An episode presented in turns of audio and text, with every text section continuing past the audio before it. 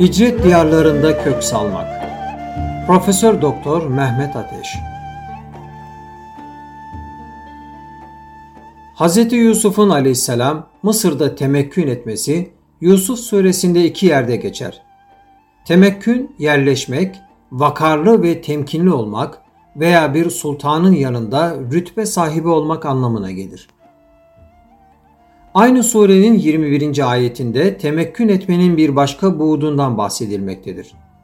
Adetullah nazar alındığında temekkün etmenin belli şartlara riayetten sonra olabileceği fark edilebilir.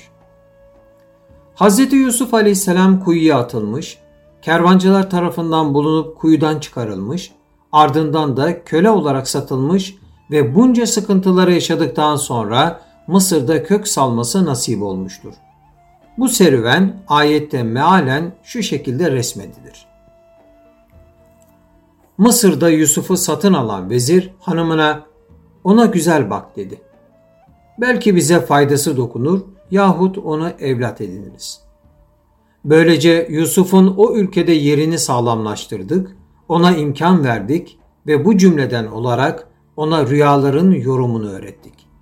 Allah Teala iradesini yerine getirmekte her zaman mutlak galiptir. Fakat insanların çoğu bunu bilmezler. Yusuf Suresi 21. Ayet Peygamber kıssaları Kur'an'ın anlattığı gerçek hayat hikayeleridir. Kur'an ibretlik kıssalarla bizlere adeta şöyle der. Bu sıkıntıları peygamberler yaşadıysa, peygamber yolunda gidenlerin de yaşaması mukadderdir. Hz. Yusuf'un yaşadıklarından anlaşılacağı üzere temekkün edebilmenin şartının sıkıntılar yaşayarak hicret etme olduğu anlaşılabilir ki dünyada medeniyetleri kuranların çoğu yaşadıkları ülkelerden ayrılmak mecburiyetinde kalan topluluklardır. Hicret edenlerin dünyada güzel şekilde yerleştirilecekleri farklı olarak Nahl suresinde anlatılır bulundukları yerden inançlarından dolayı zulme maruz kaldıktan sonra Allah uğrunda hicret edenleri elbette dünyada güzel bir yere yerleştiririz. Ahirette verilecek mükafat ise şüphesiz daha büyüktür. İnsanlar bunu bir bilselerdi. Nahl suresi 41. ayet.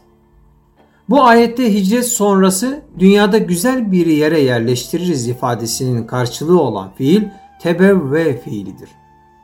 Bu fiil Arapçada oturma, güzelce yerleşme, bir miktar konaklama ve geleceğe hazırlanmak anlamlarında kullanılır. Demek ki hicret ettikten sonra güzelce yerleşme var. Ama kök salmanın gereklilikleri Yusuf suresinde anlatıldığı şekliyle sıkıntılar çekme ile beraber her türlü muhafaza ve bilme kavramlarından geçmektedir. Dünyada güzel bir yere yerleştirildikten sonra istikrarlı bir şekilde hayatı devam ettirme iradeye vabestedir. Dikkat edilmezse hicret edilen yerlerde bile Allah davasından kopuşlara sebep olabilecek durumlar karşımıza çıkabilir. Hizmetle tanışmak lütuf olsa da süreklilikte irade esastır. İnsan her zaman akıbetinden endişe etmelidir. Tahrip her zaman daha kolaydır. İnsanı olduğu gibi bırakırsanız harabiyet başlar. Birisine bir ay süreyle bir şey anlatmaz, metafizik gerilim adına bazı güzellikleri fısıldamazsanız o insan geriye gider ki insanı hayırlardan uzak tutup dünyaya çağıran insi ve cinni şeytanlar her zaman çevresindedir. Muhatabı sımsıkı tutup şefkatle muamele edersek o da bize sarılır. Sarsıntılarını vicdanımızda yaşarsak kaymalarına fırsat vermeyiz. Allah rızası için hicret edilen yerlerde de iman ve Kur'an hizmetine dair hususları sık sık hatırlatmakta fayda vardır. Temsilimizin her türlü düşüncenin önünde olduğu nazara verilmelidir. Bu hatırlatmalar yazarak, okuyarak ve anlatarak olabilir. Muhatapların kalp ve vicdanlarındakini okumadan, anlamadan onlara bir şey verebilmek imkansızdır. Hoca Efendi'nin enfes değerlendirmesiyle muhataplara bir şeyler okuyacaksanız öncesinde onları çok iyi okumuş olmanız gerekir. İyi düşüncelerle müstakilen hicret yeterli değildir. Hicrette temadi, birbirimizi motive etme ile halis daireye evrilir. Yeni beldelerde güzelce yerleşmenin ardından gerekli olan şey insanları hizmet şuuruna ulaştırma olmalıdır. Temekkün etme yani fikren gönüllere girme ancak o zaman başlar. Hz. Yusuf aleyhisselam Allah'ın takdiriyle şer gibi gözüken hadiseler zincirinde hayırlara sürüklendi. Çileli yolun kaderi buydu aslında. En yakınların haset edecek, kuyuya atılacaksın, kuyudan harikulade bir kurtuluşla çıkacaksın, sonrasında çok küçük bir bedel karşılığında köle olarak satılacaksın. Satın alan kişi Mısır Azizi, Yusuf'un farklı bir çocuk olduğunun farkına varmıştı ve Yusuf'u köle pazarından alıp sarayına getirmişti. Kuyuda başlayan çile sarayın ortasında son bulmuştu. Aslında son bulmamıştı. Başka bir keyfiyette yeni bir çile başlayacaktı. Onda da çok hikmetler vardı. Hadiseler bir kısım yönleri itibariyle çirkin gözükseler de kaderi planda içlerinde başka hikmetler barındırıyordu. Hz. Yusuf'un sarayda kendi halinde bir çocuk olarak kalması onu Mısır'a aziz yapmaz. Sarayda iftiraya maruz kalıp hapishanede bir süre daha çile doldurdu, ardından her şey ortaya çıktı ve tertemiz olduğu tebeyyün ettikten sonra Mısır'a aziz oldu. Allah Celle Celaluhu Hazreti Yusuf'u, Hazreti Yakub'u ve Hazreti Yusuf'un kardeşlerini Mısır'a yerleştirdikten sonra İsrailoğulları Mısır'da çoğaldılar ve yüksek mevkilere geldiler. Vakar sahibi oldular, kök saldılar. Allah onların içlerinden peygamberler gönderdi ve onları kendi işlerinin sahibi hür insanlar kıldı. İsrailoğullarının Hazreti Yusuf'la başlayan Mısır serüveni kaderin tecellisiyle Hz. Musa aleyhisselamla sonlanacaktı. Çünkü muhafaza etme ve bilme azalmıştı. Köleleştirilmiş bir toplumda ayakları üzerinde durma ve ekolleşme olamazdı. Yeni bir nefes, yeni bir ses, bu kavme öğretilmesi gerekenleri tekrar öğretecek ve onları esaretten kurtaracaktı. Bu kavmi esaretten kurtaracak olan o talihli de bir sanduka içinde saraya kabul edilmiş olan Hz. Yusuf'un neslinden gelen Hz. Musa aleyhisselamdı. Hz. Musa da imtihanlarla, çilelerle büyük bir vazifeye hazırlanmış, nihai olarak kayınpederinin rahliye tedrisini tamamladıktan sonra mukaddes yolculuğa çıkmıştı. Kaderin tecellisi bu şekildeydi. Tekrar tozlanmış hakikatlere saykal vurmak, çilelerle geçen bir ömür gerektiriyordu. Bu çileler yaşanmadan kök salmak ve muhataplar tarafından kabul görmek mümkün değildi. Ayette Hz. Yusuf'un yaşadıkları anlatıldıktan sonra kezalike böylece ile bağlanarak mekkenna iktidar verdik ifadesi kullanılır. Kıssaların en güzeli olan Yusuf suresinde anlatılanlar günümüz içinde önemli birer işarettir. Demek ki kuyuya atılmadan kardeşlerinin kindarlıkları dindarlıklarının önüne geçmeden, az bir pahaya köle olarak satılmadan, iftiralara uğrayıp aklanmadan, suçsuzlukları bilinmesine rağmen devletin güdümünde olan hakimler tarafından hapse atılmadan bir yerde kök salmak mümkün değildir. Kur'an ayetlerinin mana yüklü ifadelerinden anlıyoruz ki kardeşler en yakınlar hangi planları kurarsa kursun Kervancılar ne yaparsa yapsın, Aziz'in eşi ne düşünürse düşünsün, neticede bunların her biri kader ve kaza planının gerektirdiği şeylerdir ve Allah'ın muradı sübhanesine hizmet ediyorlardır.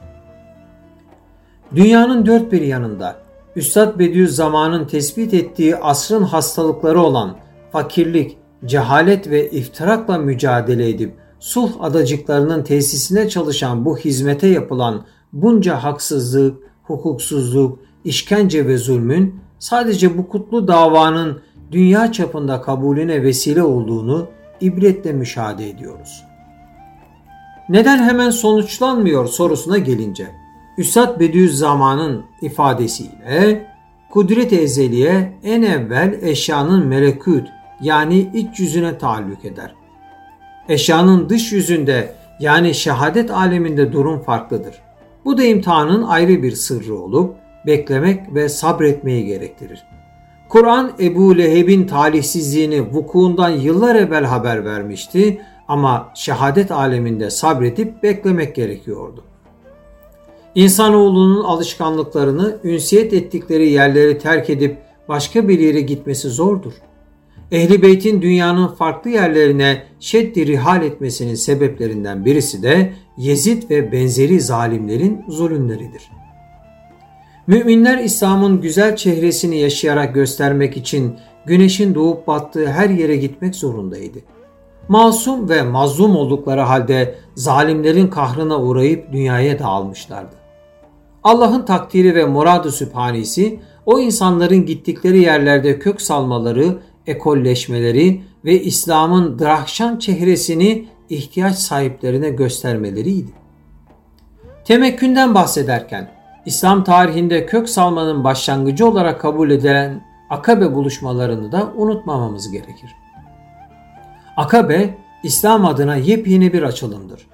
Mekke'de yaşanan sıkıntılardan sonra Allah davası Medine'ye doğru yönünü çevirecek ve mukaddes dava zuhur ettiği yer olan Mekke'de değil Medine'de kök salıp yerleşecekti.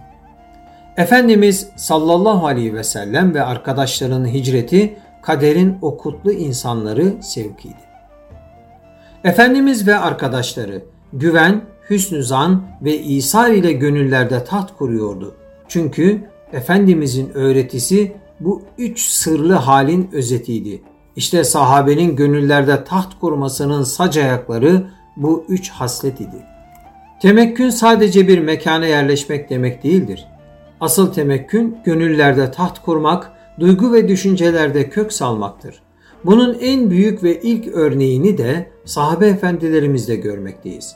Onlar hicret diyarlarına Rabbimiz tarafından güzelce yerleştirilmiş, ardından iradelerini en doğru şekilde kullanarak gönüllerde kök salmayı yani temekkünü başarmışlardır. Bu kutluların takipçileri de ancak onlar gibi olabilirlerse gönüllerde taht kurabileceklerdir. Yusuf suresinin Mekke'de boykot yıllarında nazil olduğu düşünüldüğünde Rabbimiz Efendimiz'e ve sahabeye teselli sadedinde adeta şunları hissettiriyordu. Boykotta sıkıntı içindeki kullarım mahzun olmayınız. Bu sıkıntılı günleri de geride bırakacaksınız. Hem bu coğrafyada hem de bütün dünyada temekkün edeceksiniz. Hasılı kelam Hz. Yusuf aleyhisselam, Hz. Musa aleyhisselam ve Efendimiz sallallahu aleyhi ve sellem gibi yurdundan yuvasından ayrılmadan Hz. Hüseyin radıyallahu anh gibi şehitler vermeden, bir şaki gibi yıllarca takip edilmeden, istintaklara tabi tutulmadan, sıkıntılar çekmeden, bütün dünyası küçük bir sepetten ibaret olmadan, hanesi cami penceresi veya ayaklarını tam uzatamadığı tahta bir kulübe olmadan, davasının kutsiyeti adına mübah olan şeyleri bile terk etmeden, milletinin imanının selameti adına dünyasını da ahiretini de feda etmeden, ruhunda tarrakalar olurken sanki hiçbir şey olmamış gibi insanlarla oturup onların dertleriyle ilgilenmeden insanların gönüllerinde kök salmak, dünyada temekkün edip ekolleşmek mümkün değildir.''